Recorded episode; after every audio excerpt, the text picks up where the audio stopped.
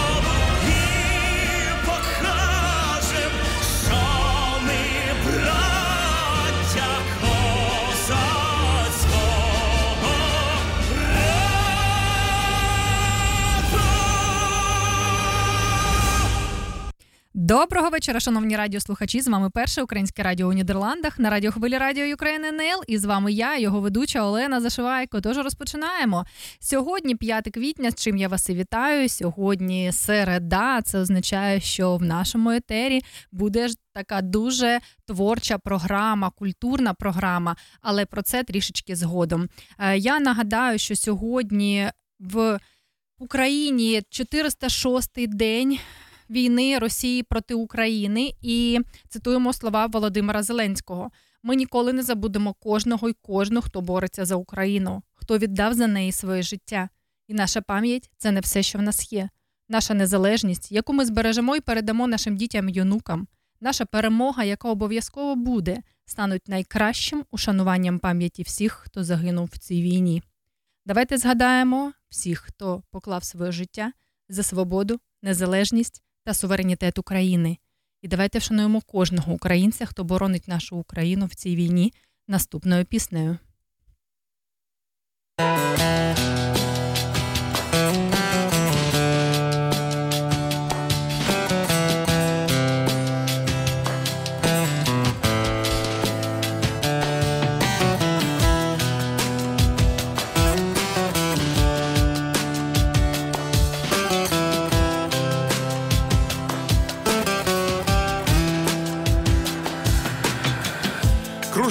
Кружляй, собі соколе, братику, а будуть стріляти, подалі лети, а ми ні на крок, мій крилатий солдатику, того, хто не здався, не перемогти, того, хто не здався того, хто не здався, того, хто не здався, не перемогти.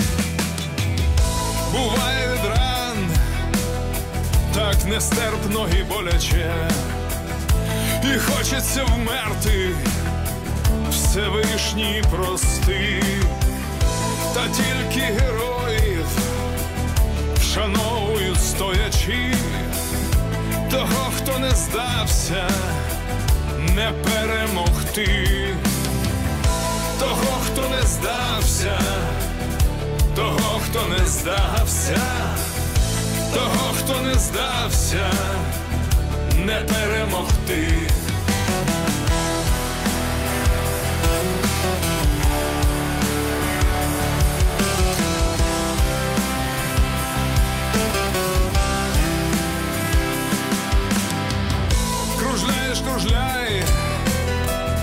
Сизокрилий розвіднику, побачиш чужинців, кричи, як завжди, бо смерть ворогам, смерть рашистським негідникам, того, хто не здався, не перемогти, того, хто не здався того, хто не здався того, хто не здався, не перемогти.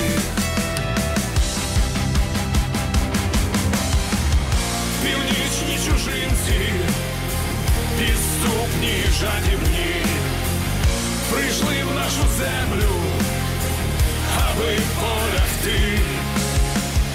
Земля їм бетоном, а нам вона лагідна. того хто не здався, не перемогти, того, хто не здався, того, хто не здався того, хто не здався, не перемогти, того, хто не здався, того, хто не здався, того, хто не здався, не перемогти.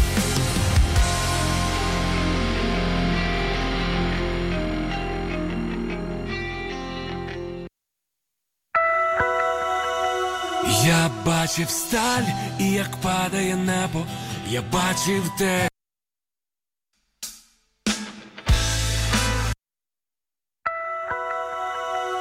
Я бачив сталь, і як падає небо, я бачив те, чого нікому не треба. Я бачив болю на десять життів. Мамо, молись за своїх синів.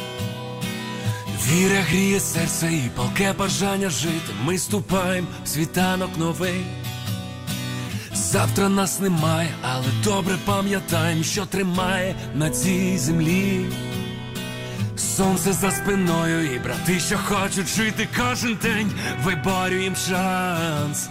Ми ж такі молоді, нам би ще по землі, а не по траншеям гулять. Я бачив сталь, і як падає небо. Я бачив те, чого нікому не треба. Я бачив болю на десять життів. Мама молись за своїх синів. Я бачив страх у очах навпроти. Я добре вивчив свого ворога профіль. Я бачив болю на десять життів. Мама молись за душі своїх синів. Молись, молись. Йдемо на схід і тут ніхто вже не питає, коли нас побачить сім'я. Стоїмо на смерті, захищаємо кожен метр, наша земля свята. Серце стало сталю, нас ніхто вже не впізнає, ми забули минуле життя. Вічна слава тим, хто захищає дім, і кого вже з нами нема. Я бачив сталь, і як падає небо. Я бачив те, чого нікому не треба. Я бачив болю на десять життів. Мама молись за своїх синів. Я бачив страх у очах навпроти. Я добре вивчив свого ворога профіль. Я бачив болю на десять життів. Мама молись за душі своїх синів. Молись, мама, молись. Я бачив болю на десять життів. Мама, молись! Я бачив сталь, і як падає небо. Я бачив те, чого нікому не треба. Я бачив болю на десять життів. Мама, молись за своїх синів. Я бачив страх у очах навпроти. Я добре вивчив свого ворога профіль. Я бачив болю на за душі своїх синів.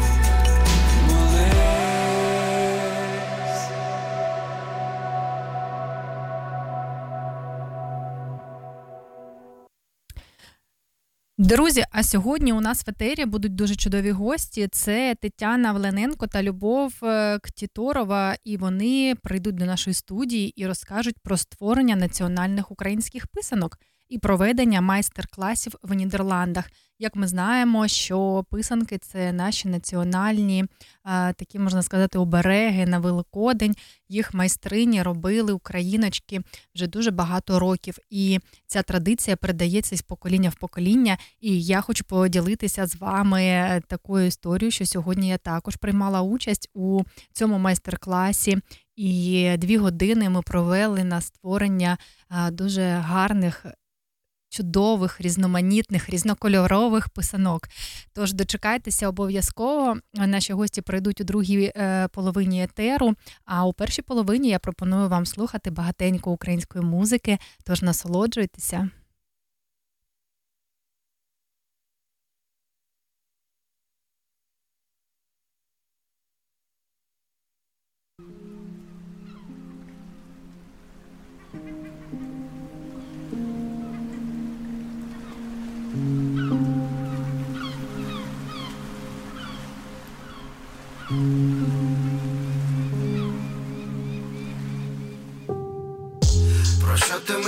Мила, дивлячись удаль Накриває душу вічі sometimes.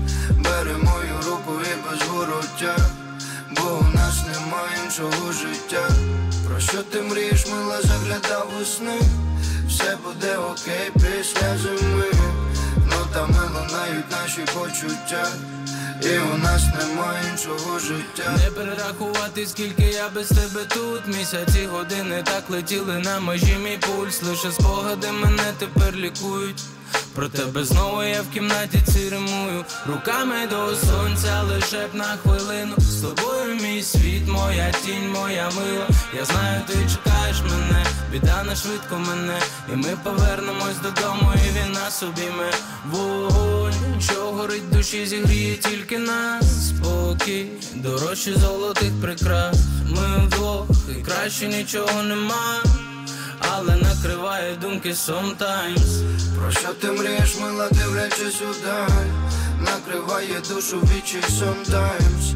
Бери мою руку і без вороття Бо у нас немає іншого життя. Про що ти мрієш, мила, заглядав у сни? Все буде окей після зими. Ну там лунають наші почуття. І у нас немає іншого життя там на тобі чекають люди. Потяг із минулого в нікуди. Я не знаю, куди бігти як бути. По дорозі вітер, на порозі лютий, але поруч ти тримаєш мою руку, наче стимули, які питання, де мені брати ці кляті сили, знаю, я не здамся, доки бережу твою любов. Погляд темноокий, віддаю себе в полон. Що ти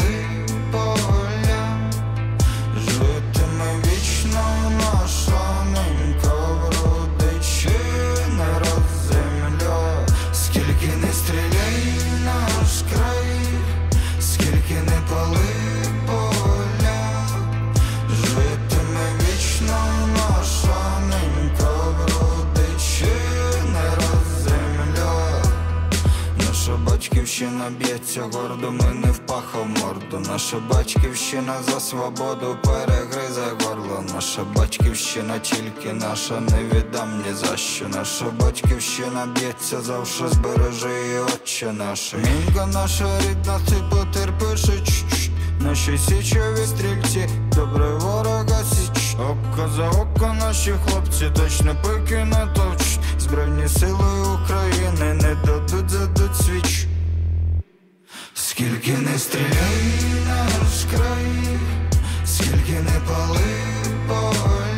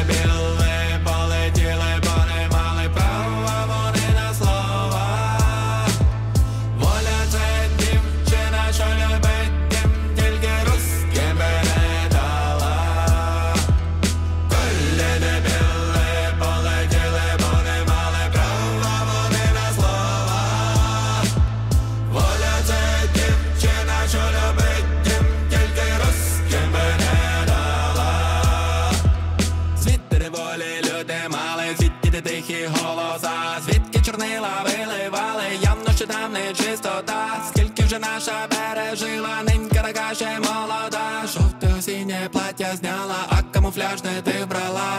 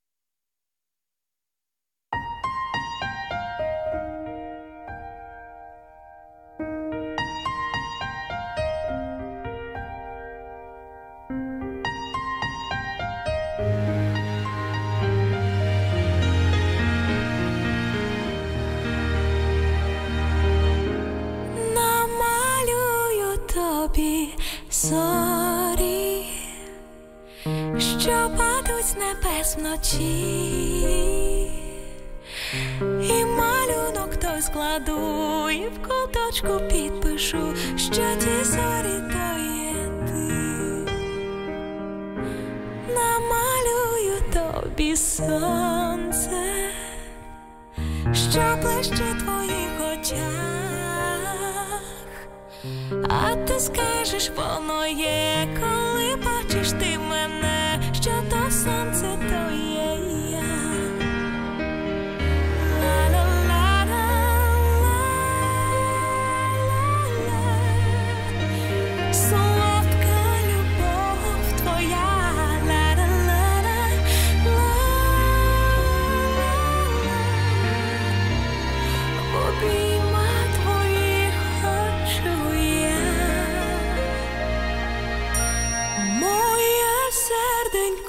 Slow.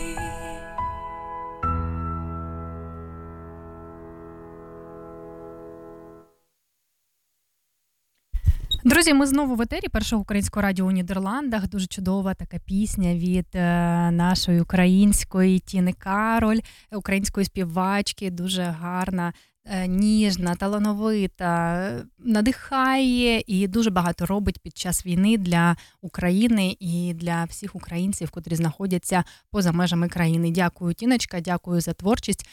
Просто неймовірна пісня. І, до речі, ми її сьогодні використали для відео, котре знімали на майстер-класі по виготовленню писаночок. Тож заходьте до наших інформаційних телеграм та інстаграм-каналів і можете подивитися, як все відбувалося, і взагалі надихнутися. І може е, вам захочеться створити щось таке дивовижне. Тож е, відвідайте наші інформаційні канали і побачите, як все гарно виглядає. Е, сьогодні, 5 квітня, серед наших предків існувало чимало цікавих прикмет на цей день. І ви знаєте, дивилися, який сьогодні день, якщо прилетіли зяблики, отже, все скоро потепліше. Нічне небо без зірок означало, що буде похолодання, а полудень похмурий, літо буде дощовим, а якщо ясним, то сухим. А ви звертали увагу взагалі на прикмети і що сьогодні відбувалося? Тож давайте звернемо увагу і дізнаємося, чи працюють такі прикмети у Нідерландах або у тій країні, де ви зараз проживаєте.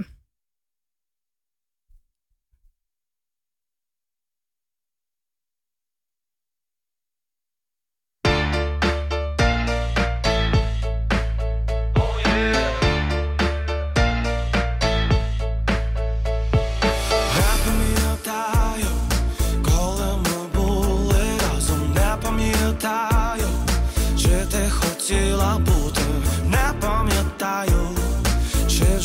прийшла до мене ти, ні ти. Не пам'ятаю, коли ти хотіла жити, не пам'ятаю, як ти виривала квіти, я вже не знаю, правда то чи може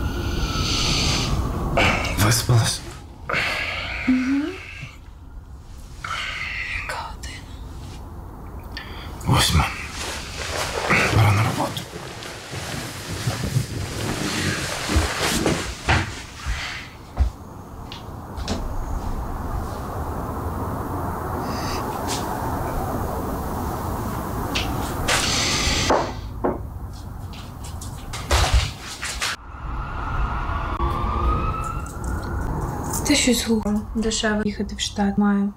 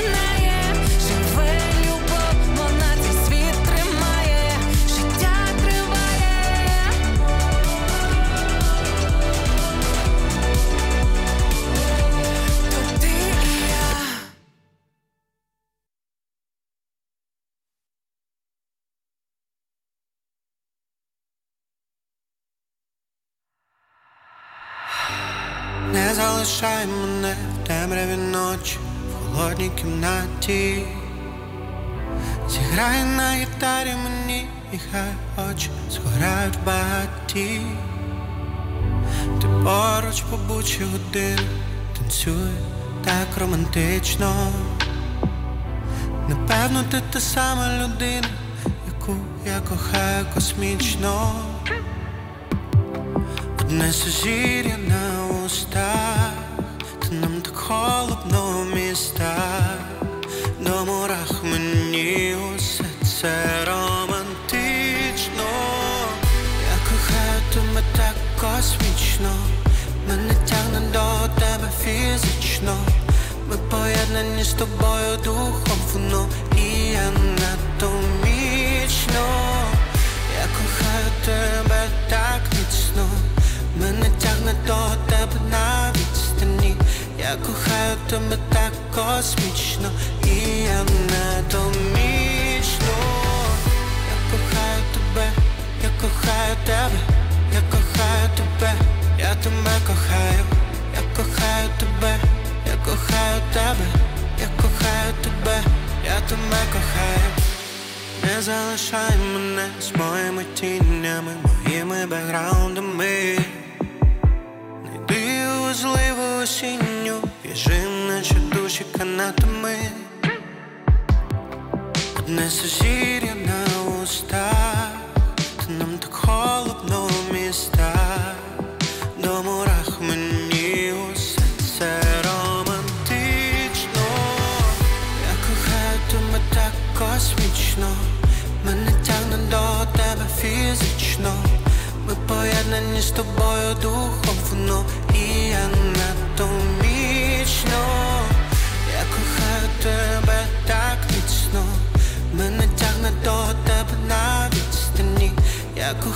тебе так космічно і анатомічно. Я кохаю тебе, я кохаю тебе, я кохаю тебе, я тебе кохаю, я кохаю тебе, я кохаю тебе, я кохаю тебе, я тебе кохаю. Моя зоря не сяє, висяє, висяє, тане на губах. Ми давно вже знаємо, знаємо, що між нами лав. Я кохаю тебе так космічно, мене тягне до тебе фізично. Ми поєднані з тобою духовно і анатомічно. Я кохаю тебе так космічно, мене тягне до тебе фізично. Ми поєднані з тобою духовно і анатомічно. Тебе так міцно Мене тягне до тебе на відстані Я кохаю тебе так космічно І я недомічно. Я кохаю тебе, я кохаю тебе, я кохаю тебе, я тебе кохаю, я кохаю тебе, я кохаю тебе, я кохаю тебе, я тебе кохаю, я кохаю тебе, я кохаю тебе я кохаю тебе, я тебе кохаю, я кохаю тебе, я кохаю тебе, я кохаю тебе, я тебе кохаю. І для всіх закоханих е, звучала ця пісня, дуже романтична, гарна. Тож е, кажіть слова кохання своїм е, другим половинкам і любов переможе. Друзі, сьогодні, 5 квітня, день створення першої конституції України, і її ще називають Конституція Пилипа Орлика. Договори і постановлення прав і вольності війська Запорозького.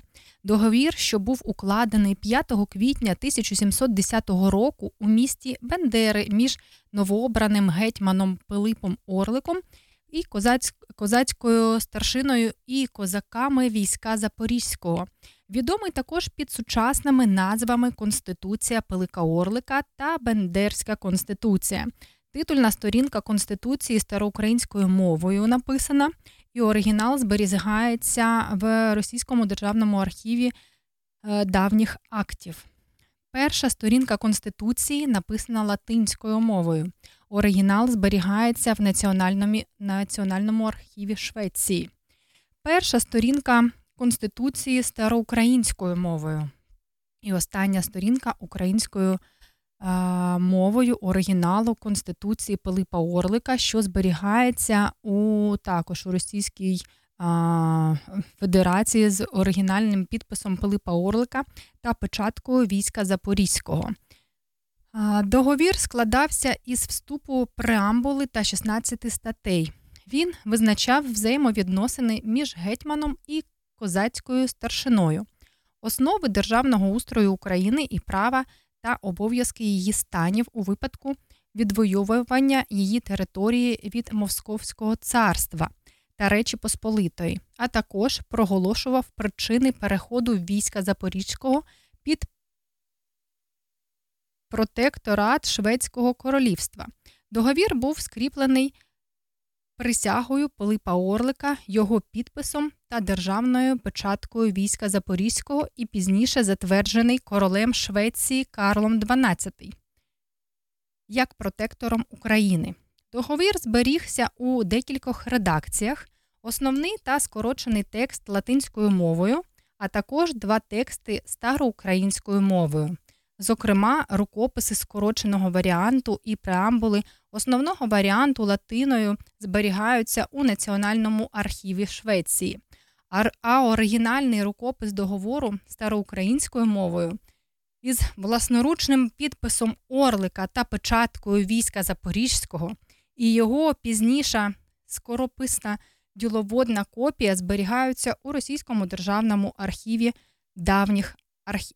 актів. Хоча договір не вступив у повну силу через несприятливу міжнародну ситуацію, протягом кількох років його положення частко... частково діяли на е, теренах правобережної України завдяки походам 1711 і 1713 е, військ Пилипа Орлика та визнанню його влади місцевим населенням, а також частково виконував військовим запорізьким низовим до 1733 року, в час перебування його в Олешках. Затвердженням Дмитра Яворницького в Олешківській Січі запорізьці, запорізькі казаки залишились вірними своїй релігії і своїм законам. От таку маємо історію. Тож сьогодні День Першої Конституції України.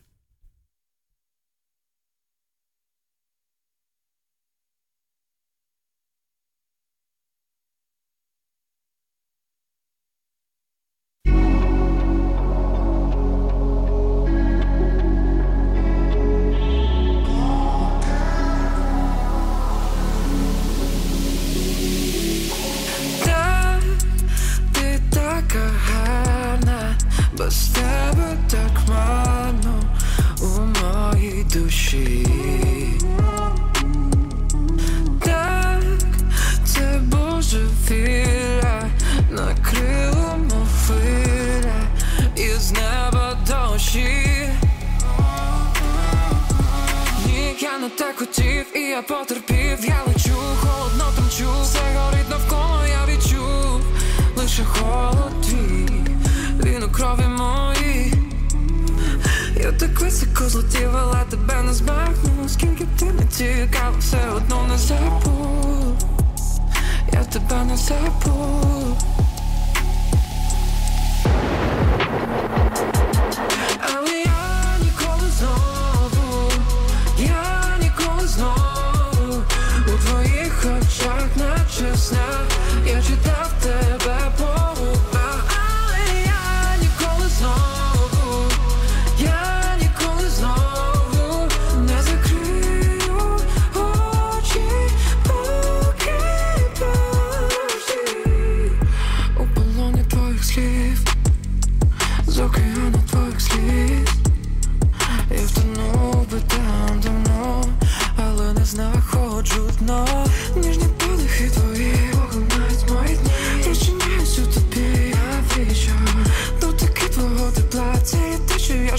550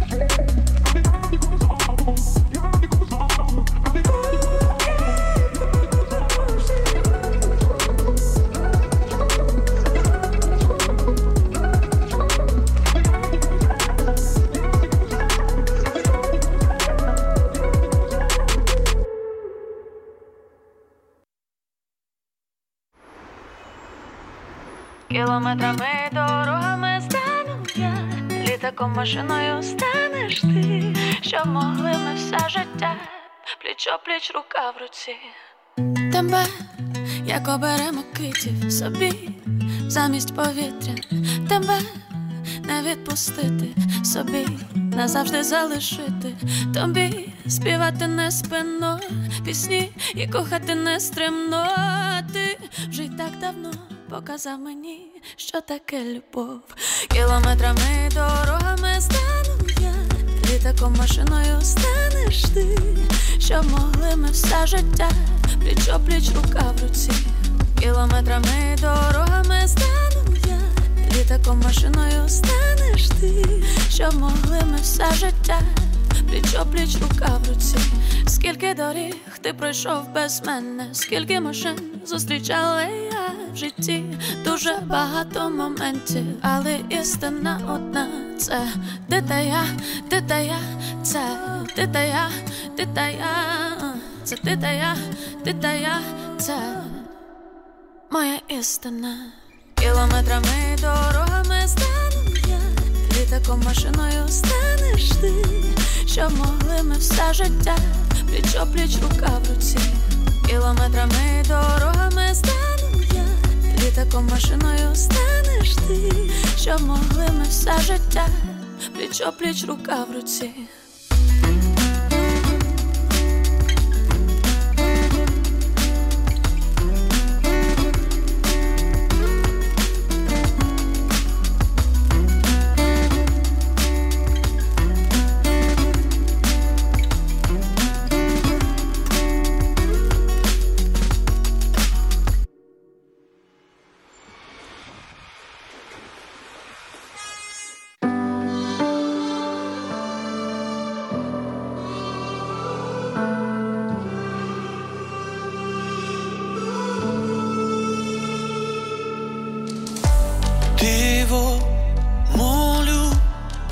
Шукай зорю, трима мене, міцно за руку тримай. Спитай, скажу, як я люблю,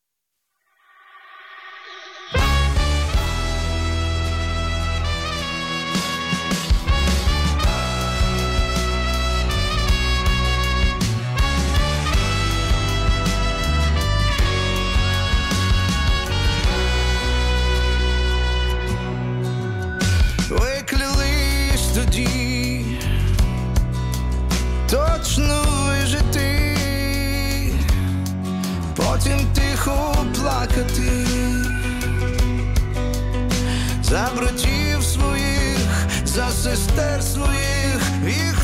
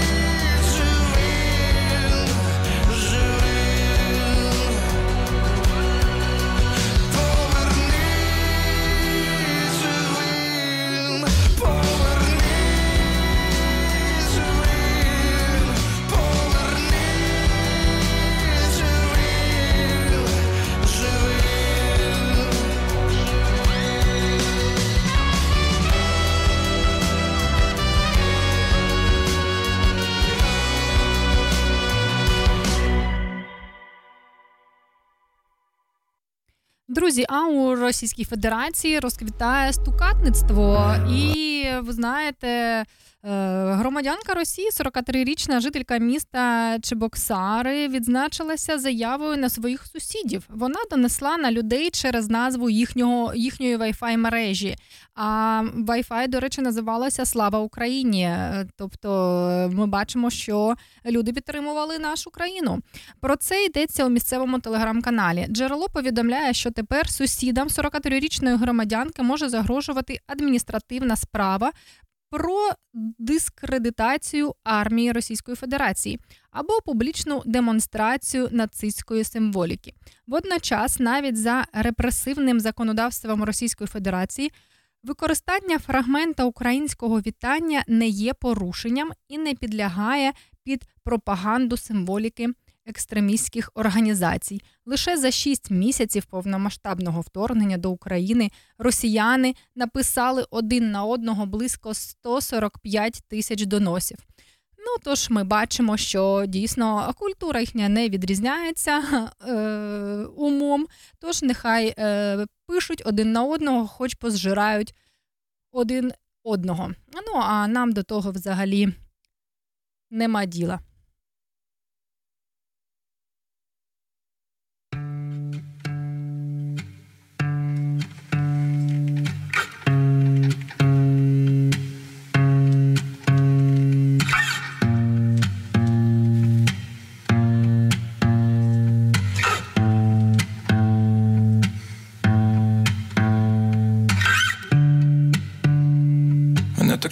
Питають, Тарас, що хочеш додому. Вдома що тебе давно вже немає нікого. Що тебе тягне туди, так? Що тебе тягне туди, так? Мене так часто питають, Тарас, що хочеш додому. Вдома що тебе давно вже немає нікого. Що тебе тягне туди, так Що тебе тягне? Спокій. Я хочу бути от ти ще спокійно Почути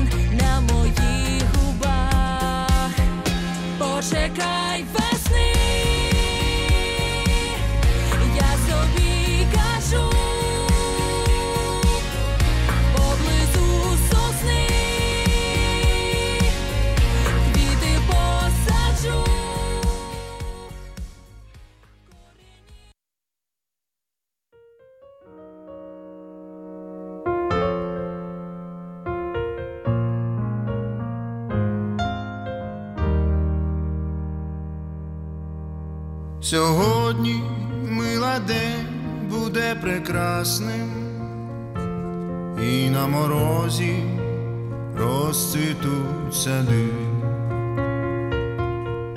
і сонце нам світити буде ясно,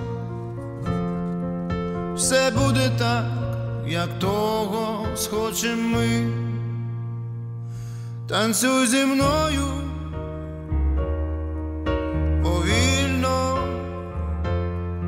зачекає світ божевільний, танцюй зі мною повільно, бути щасливі ми повинні. Сьогодні мила день буде як треба і в темнім небі зорі спалахнуть, а потім нам з тобою, якщо треба, вони із неба в руки упадуть, танцюй зі мною повільно, ай зачекає світ божевільний, танцюй зі мною повільно, бути щасливі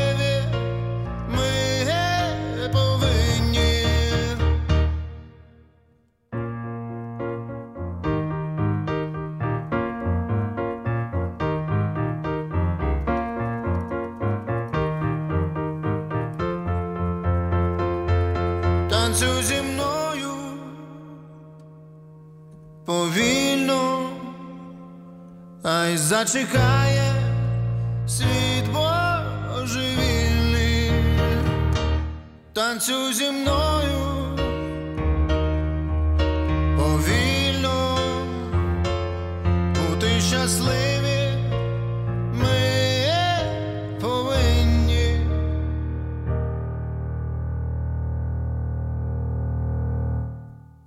Друзі, ми знову в етері першого українського радіо у Нідерландах на радіохвилі Радіо Україна НЛ. І дуже класні новини маємо. Українські розробники навчили штучний інтелект писати казки для дітей українською мовою. Українські розробники навчили найпопулярніший чат-бот у світі чат GPT писати казки для дітей українською мовою згідно з публікацією гендиректора. Е, Олександра Краковецького у Фейсбук створювати казки за допомогою штучного інтелекту дуже легко. За словами Олександра, написані чат-ботом твори не гірше багатьох вже існуючих дитячих казок. Поговоримо про те, як створювати і озвучувати дитячі казки. Відмінністю штучного інтелекта є те, що ви можете задати ключові слова або самостійно запропонувати сюжет для казки, наголосив розробник. На запит, наприклад, створити дитячу казку про хлопчика Назара та віртуальний світ Аватаріус. в який потрапив хлопчик та не хотів повертатися у реальний світ. Зроби акцент на важливість балансу між реальним та віртуальним світом.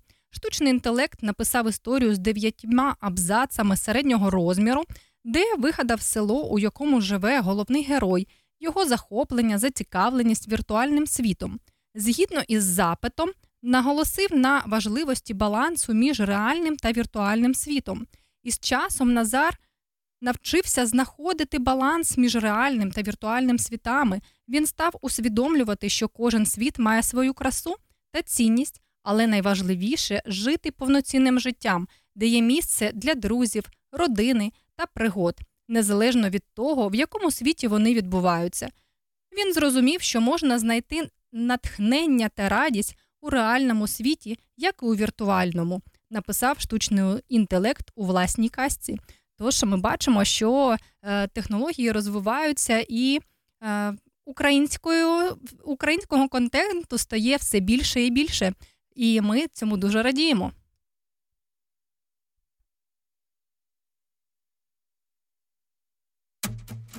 Згадай день, коли ти був щасливий, жив без війни.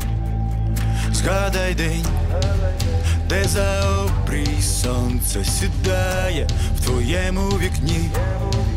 Одна мрія на всіх сильна, як моноліт в грудях твоїх і моїх до перемоги, пліч а пліч будем мити, кожен з нас воїн на своїй землі.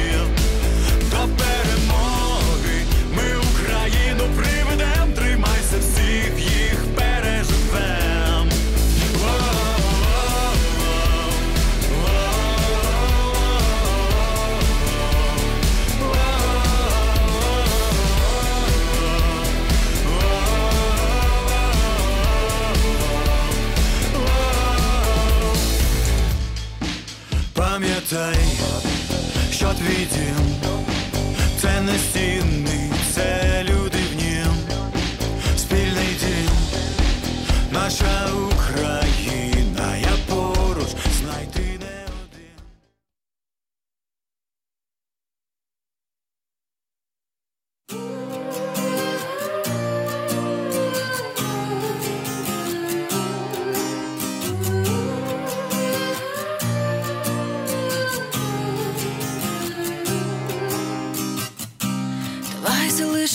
тобою затінку, давай забудемо, як звати нас. Якщо випускати альбом, то тільки платину, якщо кохати кожною клітиночкою атомом. А ти мі мі мі мі мі мі мі мі тільки твій голос лунає, наче з потіки, так чисто відверто і до мураша, давай разом назавжди, бо лише з тобою падає ти по He's never bored.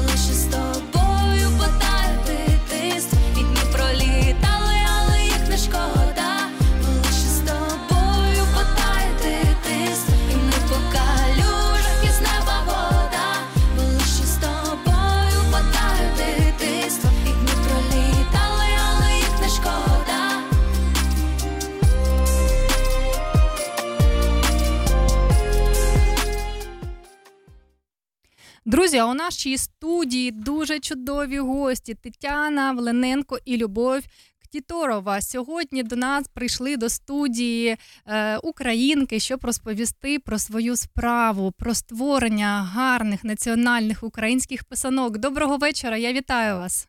Вітаємо. Е, розкажіть, будь ласка, про те, що ви робите, що вас надихає, і взагалі як з'явилася така ідея.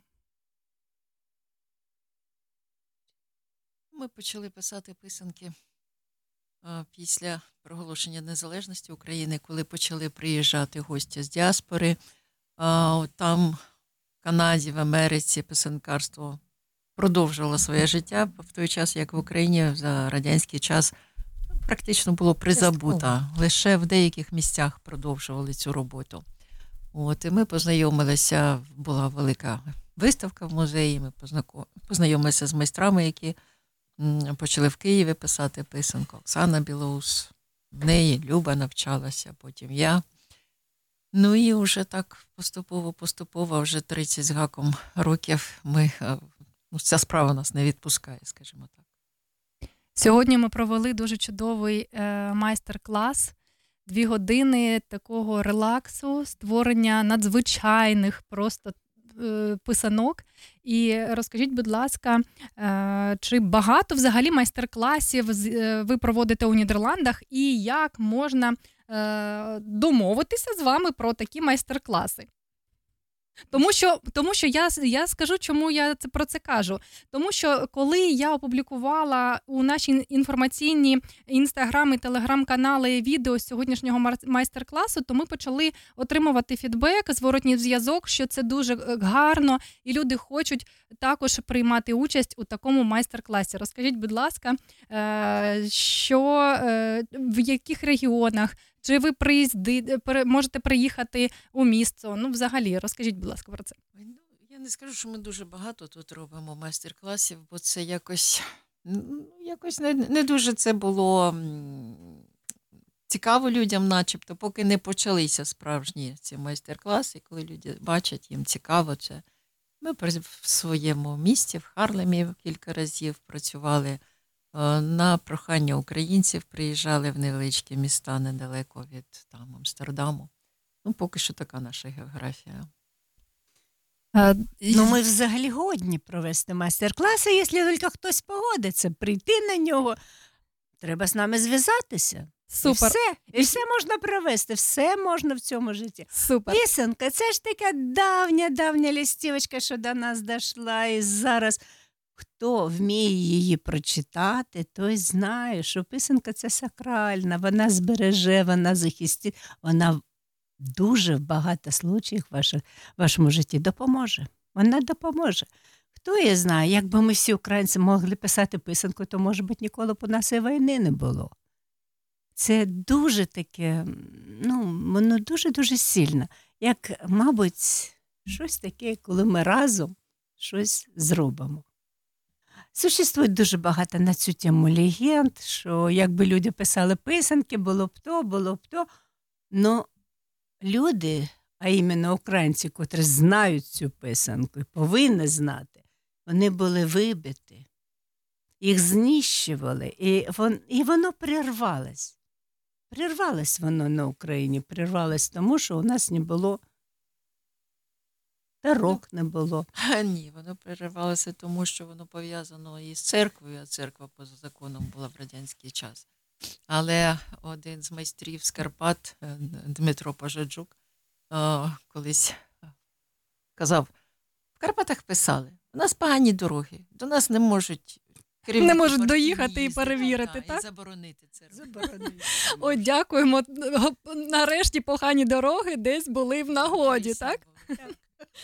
Дійсно, розкажіть, будь ласка, тому що мені сьогодні було дуже цікаво. Насправді я е, розуміла, що по різним регіонам України був свій орнамент. Але ж ви сьогодні розповідали про те, що і кожен малюнок має щось е, своє е, значення, так? Ну, безумовно. Е, Ну, я не знаю, чомусь це дуже дратує, коли починають говорити, що от вишивка має свій символ, свій прочитати можна, писанка ще більше.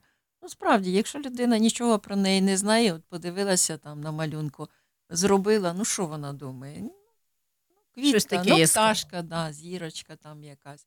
А якщо почитати те, що писали люди про писанку, як її сприймали, в що вірили. Е, Знаєте, були такі навіть випадки ну, дивні, скажуть люди. Да? Коли це тільки почалося, і перший рік в Києві перед Великоднем був такий фестиваль, вийшли люди з писанками, і е, одна жіночка розпитувала, що це таке. Побачила рибку, а Люба їй розповідає, що люди вважали, що рибка це символ здоров'я. Ну, взагалі, колись так Христа зображували, як в вигляді рибки. От, а в людей така виникла думка, що це символ здоров'я. Ну, начебто розповіла і все, та собі купила писанку, пішла. А через певний час е, от е, знову потрапила на ярмарок якийсь майстрів, підходить і каже: Ой, я вам так дякую за цю писанку, тому що от я вилікувалася від тої то хвороби. Ну, без- ну, можна сказати, що це ну, співпало так випадково. Але знаєте, людина має вірити. Якщо вона вірить в щось, воно допомагає. Так, добра енергія вона обов'язково допомагає, і навіть коли ти створюєш цю красу, ти сидиш певний час. Це така ж сама творчість. Це е, переносить твої думки кудись далеко, ти розслабляєшся і дійсно створюєш щось дивовижне. А от ткацтво колись, ткацтво, це ну, ткали коври, як залавники, так? І там завжди було якесь таке все для, для тої родини, для котрої воно ткалось. І кожному квітка там якась призначалась, а потім були такі вертикальні, так вони взагалі були ну, рослинного такого орнаменту, і ми знали, що вони відтворювали кожне різне, бо кожна квітка означала новий рід. Це донька, це син, це і воно розходиться, і нове, і нове, нове. І це що? Це родинне дерево. І ми це точно знаємо. І на писанці це є, і на вишивці це є, і в этом це все є. І як його зберегти? Та забрати по долях в писанку, котра зветься зіронька. Оце і завжди от етнографи так і кажуть, що зірка складається е, з долей. Шести з восьми, ну це долі наші, а вони разом це вже буде родина. А якщо воно прямокутничок, то це якесь поле, а з зернятками, то вже з цаточками. І отак от кажеш, кажеш, от дуже добре зробили. Ну, от навчаєш писанку писати, а поставте от на цьому ромбіки точечки. А навіщо мені тут точечки? Я хочу квіточку. Ну добре, але спочатку зернятка должно прорости. І треба поставити оцю точечку, звідкиля воно проросте. І отак от дивишся, і отой сонечко. Всі малюють сонечко.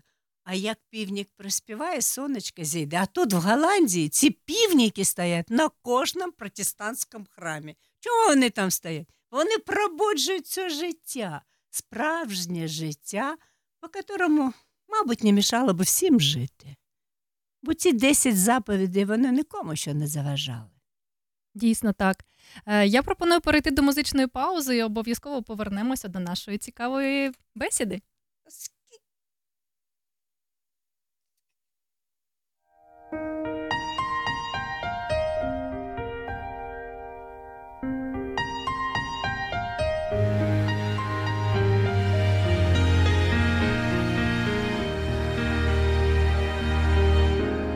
Намалюю тобі зорі, що падуть з небес вночі, і малюнок той складу, і в куточку підпишу, що ті зорі то є ти. Намалюю тобі сонце, що ближче твоїх очах, а ти скажеш, воно є, коли бачиш ти мене,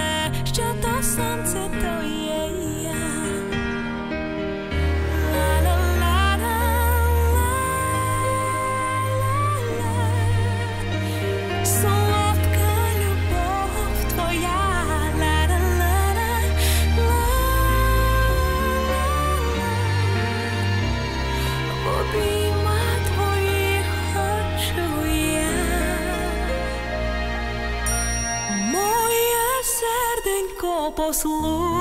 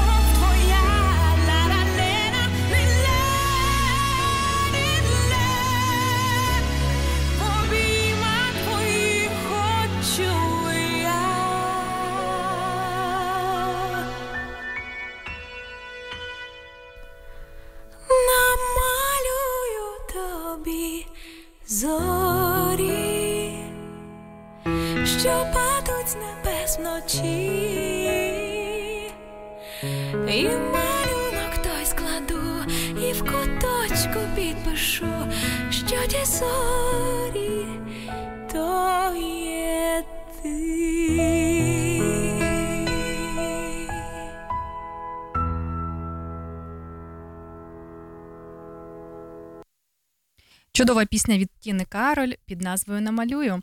І ми повертаємося до нашої бесіди. Дуже цікава е- праця. І розкажіть, будь ласка, взагалі про історію створення писанок. Правда, да. Тіна Кароль співає намалюю, а ми кажемо напишемо, тому що е, писанка, ну саме слово, да, від слова писати. Вона пишеться металь, металічною лієчкою, такою невеличкою яку раніше самі бабці робили.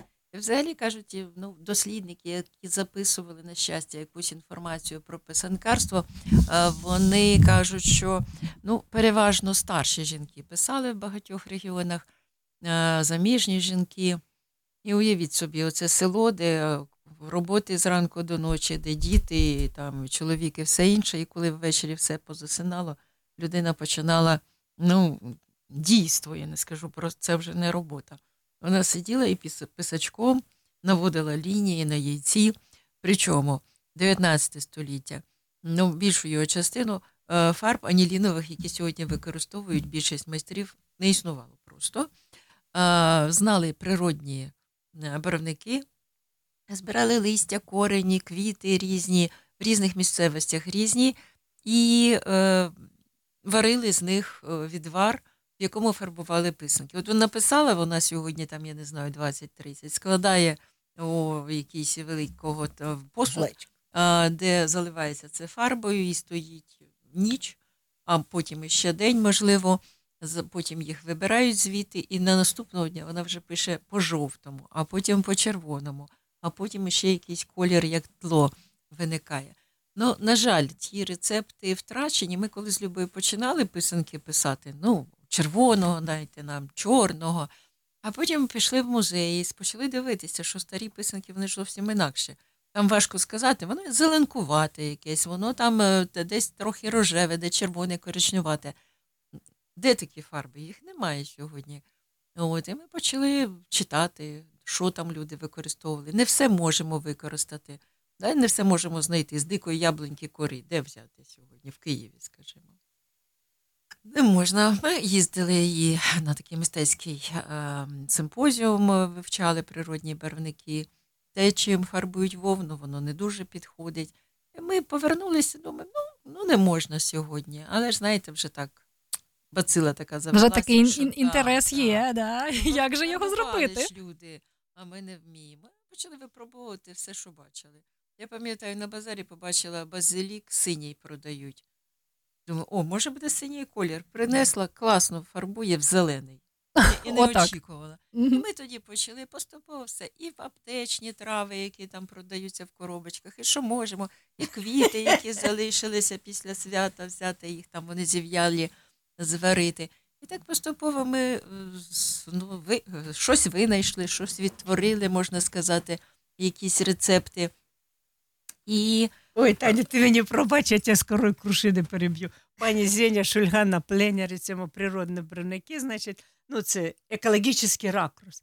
Каже: знаєте що, я вам привезу зараз ветки крушини, а ви обдираєте. А це, це така, як івова паличка. Вона привезла цілу машину, таку, ну, дуже багато. І так склали їх посеред холу, і ми сидимо, обдираємо, обдираємо, ногті вже всі збили, вже руки такі трошки зеленкуваті. І кажемо, пані Зені, коли це кончиться? Вона каже, ну треба все обідрати. А нема ніяк іна- інакшого способу. Вона каже, є, в аптеці суха кара крушини. Ми кажемо, та ти кинули. І А всі- воно чимось відрізнялось? е, б- Колір? Ні? Ні. Ну ми пішли до аптеці, а ви розумієте, наш чоловік 17, всі прийшли і всім по 5 пачок кари крушини. Він думає, що за ажіотаж? Ну, да, це послаблюючий засіб. Кос- Почали нам інше пропонувати. Косові кажу, що у вас там таке трапилось? Навіщо вам стільки кари крушини? Що ви такі слабкі? В общем, коротше, ми потім це вспоминали як якийсь анекдот з нашого життя. Ну це було. Да, і, а потім почали з'являтися і кольори такі вже.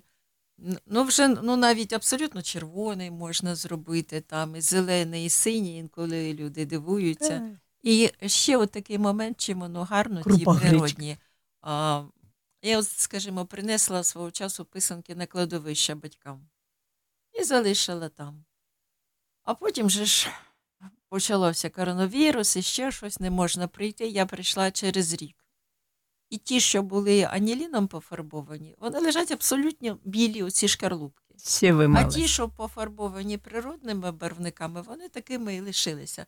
Тобто, оце вони були дуже стійкі. Навіть дощ, ні, дощ, ні зима, ні дощ, ні сонце. І сонце. Сонце. Сонце дуже випалює. А це зберігається. Так що, ну, по-перше, традиція, по-друге, корисно. От, і, А і по-третє? стійке, і А по-третє, у вас воно росте? в В цих Нідерландах, цих рослин, просто от ми ходимо, Тані всі не звук знає. А я тільки знаю одне, що оцей інжир, він такий ярко гарячий, жовтий. Тобто з інжиру можна зробити жовтий. Можна. Із Мгм. лістиків, із веточок, ото, що вирізають інжир, я колись назбирала. Та там і треба то буквально 5 листів. А як робити цю фарбу? Треба якось вимочувати а у нас чи книжка варити? є, а купуйте книжку і звучайте. Ні, ну взагалі можна, можна, можна навчитися. Тобто у вас в вашій книзі написано, як можна зробити е, барвники і потім як розписувати, розписувати крашанки. Е, ні, ні, ні, красити. крашанки не розписують. От Крашанка. ми давайте О! зробимо таку м, градацію. Класифікацію. Існує крашанка, а, писанка і мальованка. Крашенка це варене яйце, пофарбовано в один якийсь колір. Тобто Ага. яйце. Її ми, е, ну знаєте, діти Їли. на Великдень там цокаються яйцями. Оце крашенками. Тому що якщо писати писанку дві години або більше, і потім цокнути, щоб її викинути, а вона писалася на сирому яйці просто. Це просто Не було з, час, такого. з часом хтось там вигадав і Ну, почали повторювати, що писанками билися. Ні, не було. Не було. Крашенки можна було їсти. Яйця взагалі вважалися святковою їжею. Скажете, ми сьогодні яєчню там, як нема що Кожен їсти, день. будемо їсти. А раніше молодим після весілля, оце після весільної ночі приносили яйця варені. А, на свято їх варили. Скажете, чому? На викупи, а тому, на що це була, була їжа, яку можна зберігати. І за це можна щось продати щось купити. Тому це так просто не вживалося. Це От, так що крашенку їли, писанку писали і цілий рік тримали ну, десь е, на полиці біля ікон, тому що це добрі знаки. Якщо билися інколи, ну, всяке буває, да, впало. Ну, це, звичайно, неприємно, але не викидали. Не викидали, а закопували на подвір'ї, тому що на писанці добрі знаки. І щоб воно нікуди не ділося, все добро лишалося на своєму подвір'ї. В деяких випадках віддавали ну, якби душам е, померлих родичів. А куди? В воду. Рахманам. Кидали в воду, да, і воно плило до рахманів, казали, тобто туди, на той світ, де душі померлих. Знаєте ж таке уявлення. Я не знаю, як в інших містах. В Києві ну, на день, коли це тиждень після Великодня, коли йдуть поминати предків, місто велике. е, Кладовищ багато. У нас цілий розклад на тиждень є, хто коли приходить. І, і купа людей, які йдуть, як вони кажуть, на проводи. Кого Мгм. проводжають? А вірили, що в цей час, от на Великдень, повертаються душі померлих предків, десь там витають по своїх хатах, по своїх подвір'ях, а потім ідуть знову на- ну, повертаються на кладовище, а всі люди приходять їх проводжати. Оце приносять крашанки, то і писанки лишає на кладовищі і так. І третє, що є, є мальованка. Мальованку стали робити. Ну, я читала так, що це кінець 19 століття, коли почали робити з дерева і малювати фарбами якимись, і давати дітям. У дітей все б'ється, щоб значить, добрі знаки не пропадали. то Це мальованка. Тобто на мальованці е, зображені просто малюнки, котрі нічого не, е, Квіти, не ні. несуть Ну, за може, собою. щось Воно знаєш, може на- повторювати писанку. Там будуть квіти, це Сувенір на писанки. добро.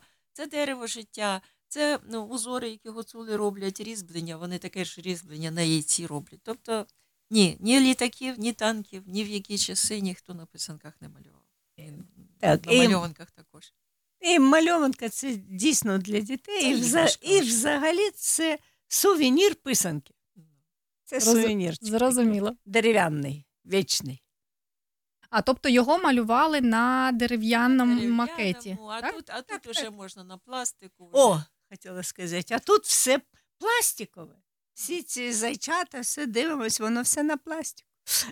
Е, Так, дійсно, завдяки е, майстриням зараз Ні- Нідерланди, нідерландці е, можуть ознайомитися з українською культурою, з українськими традиціями, і це дуже надихає, тому що, як ми кажемо, все буде Україна, і Україну поширюємо. І завдяки майстриням така можливість є побачити, почути історію України і зануритися у нашу творчість таку. І запрошуємо писати писанки.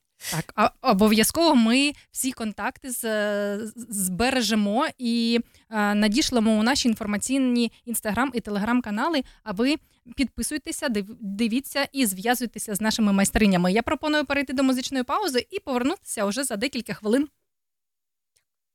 ж ти знову мене покохаєш, як тоді, коли ми жили і не рахували дні. Зараз нам всім точно не до жартів. Під звуки арти коло хати, нас буде довго колихати, і ніби це не час любити і співати. І спокійно дарує чай з м'яти, та гори аркушів зім'яти, пісень не почутих, відео не знятих, в той час, коли у них кивали п'яти.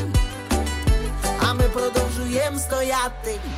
І розквітали жовті мальви під блакитним небом серед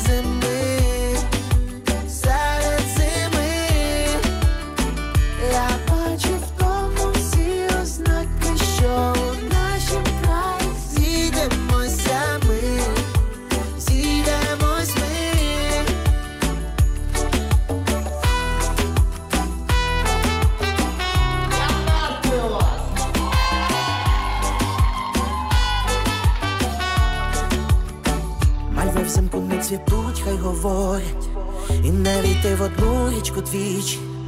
Ми були колись, знову будем поряд, тобі не личить печаль на обличчя, молоді літ, тільки щось більше. Я тебе листав, як ту книгу ніч, вона непроста, але ти глибше, ні з тобою ліпше, ні з тобою ліпше. Ще раз розпочну з чистої сторінки і знову розквітуть жовті мальви взимку. Знову розквітуть жовті мальви взимку. І розквітали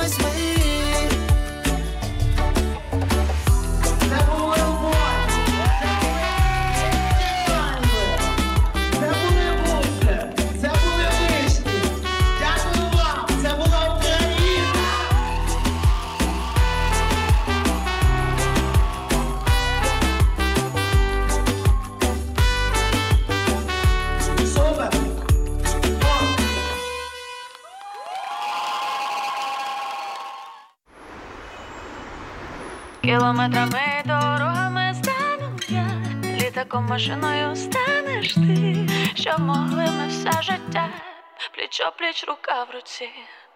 Тебе, як оберемо китів собі, замість повітря, тебе не відпустити собі, назавжди залишити тобі, співати не спино, пісні і кохати не стримно. Ти вже й так давно показав мені, що таке любов. Кілометрами дорогами стану я, літаком машиною станеш ти, щоб могли ми все життя, пліч пліч рука в руці. Кілометрами дорогами стану я, літаком машиною станеш ти, щоб могли ми все життя, пліч пліч рука в руці. Скільки доріг ти пройшов без мене, скільки машин зустрічала я в житті, дуже багато моментів, але істина одна це ти та я, ти та я, це ти та я, ти та я, Це ти та я, ти та я, це моя істина. Кілометрами дорогами літаком машиною станеш ти, щоб могли ми все життя, пліч опліч рука в руці. Кілометрами дорогами стану я, літаком машиною станеш ти, щоб могли ми все життя, пліч опліч рука в руці.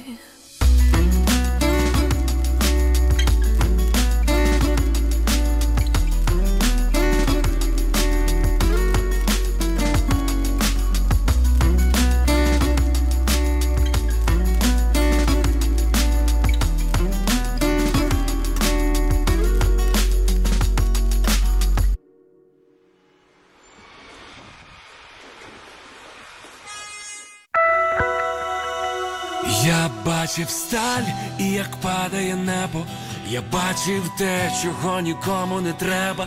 Я бачив болю на десять життів.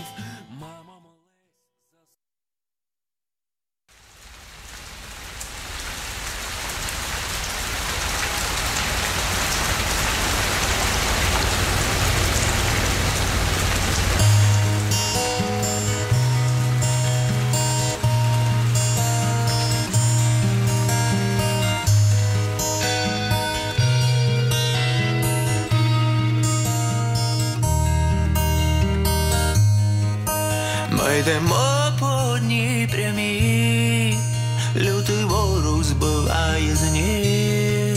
Нас було так багато мрій, а тепер лиш одна на всіх. Кажуть, віра вимує біль, та не змити водою гріх,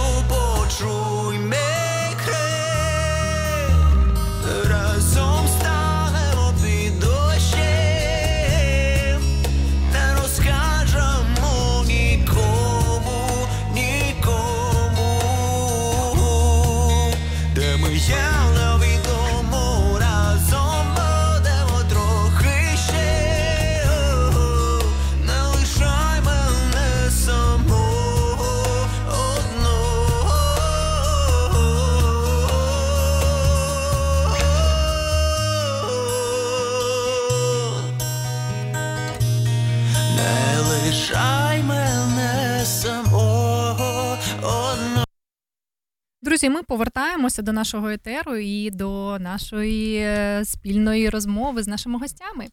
Е, Стільки у вас цікавих історій взагалі за все життя. Розкажіть, будь ласка, про Експо 2005, про е, те, що відбувалося, і це дуже цікаво.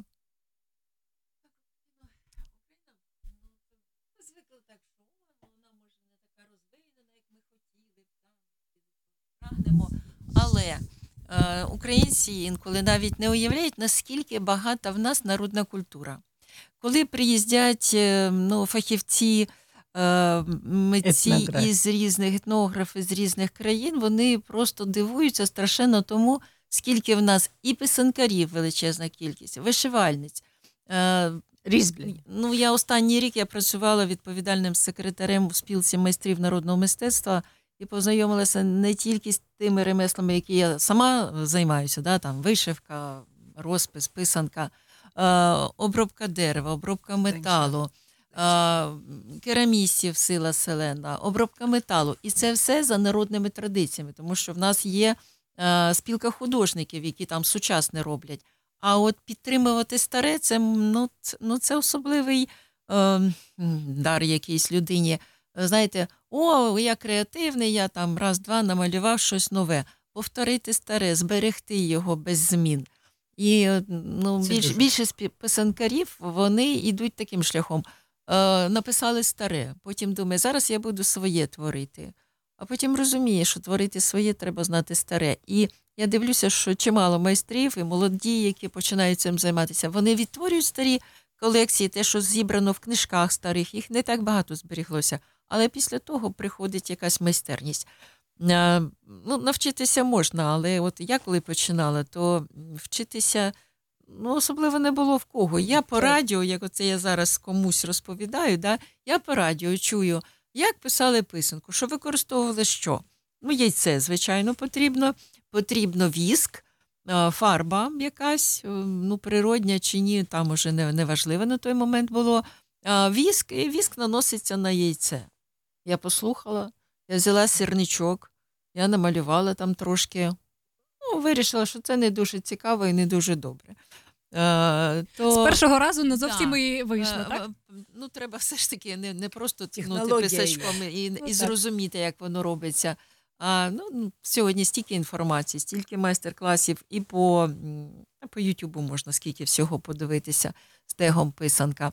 От. І ці е, народні традиції їх намагаються підтримувати.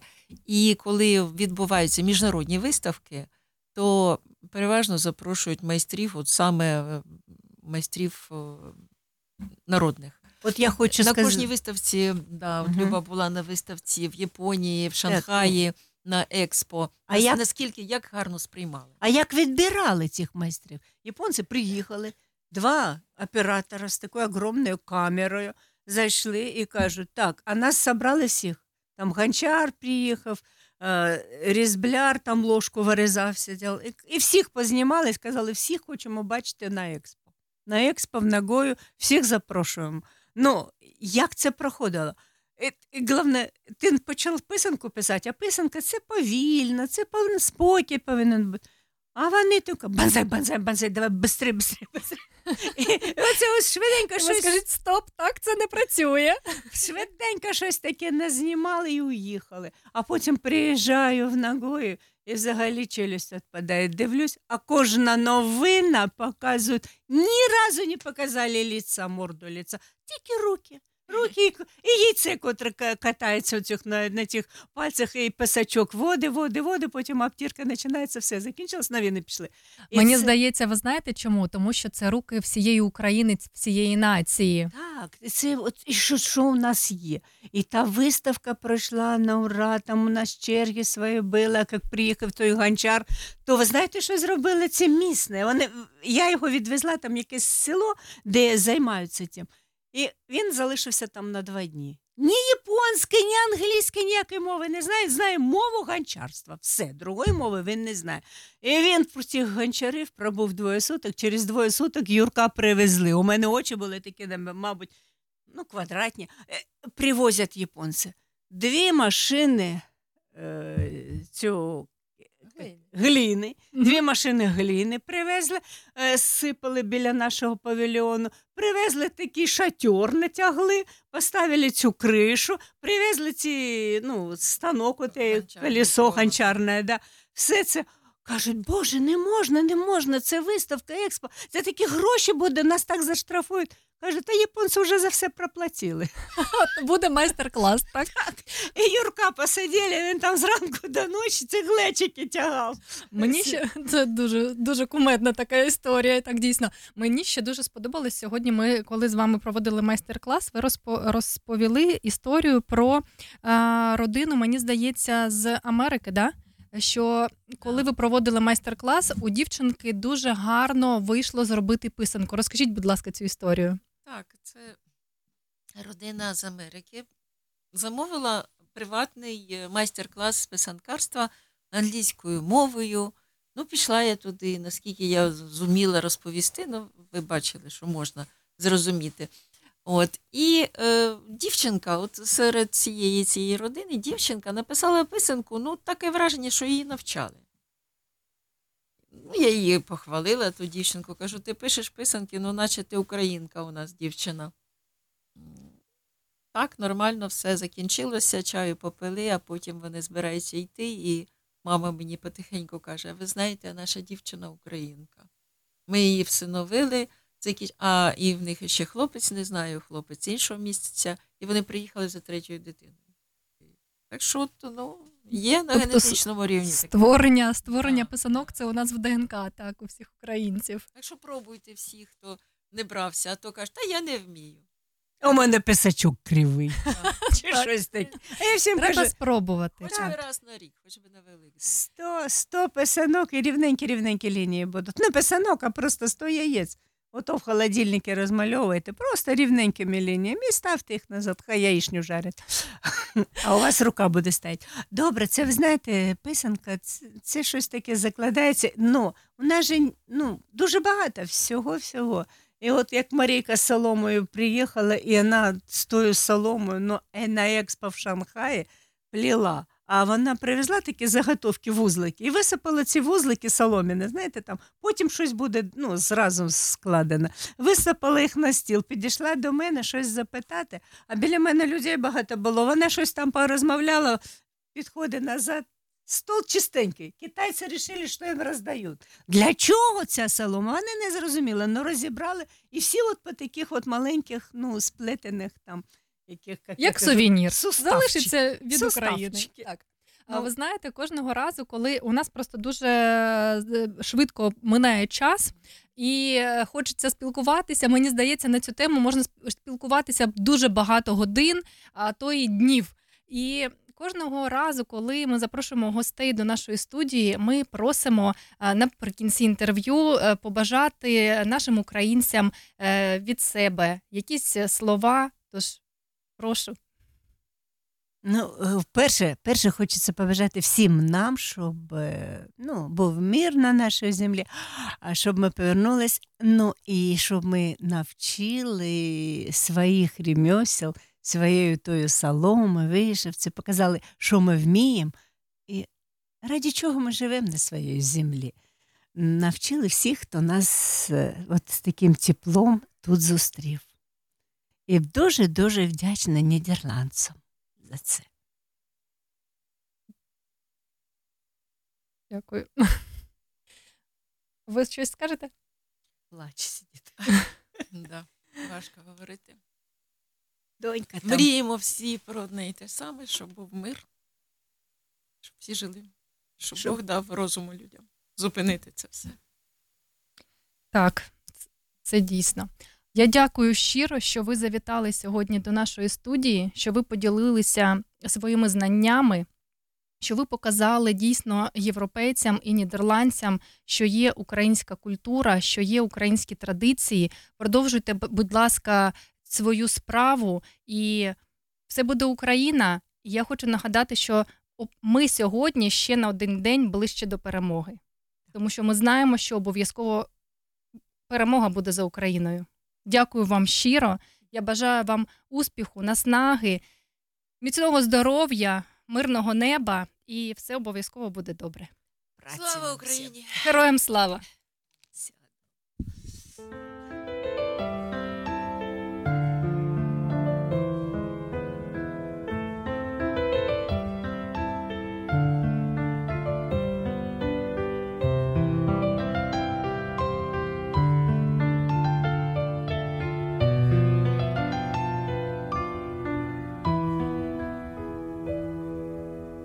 Заснули мальви біля хати,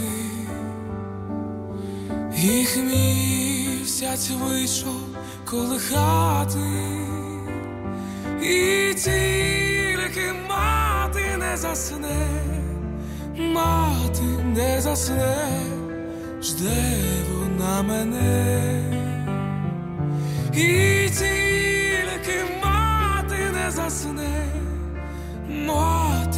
Мати не засне, жде мене.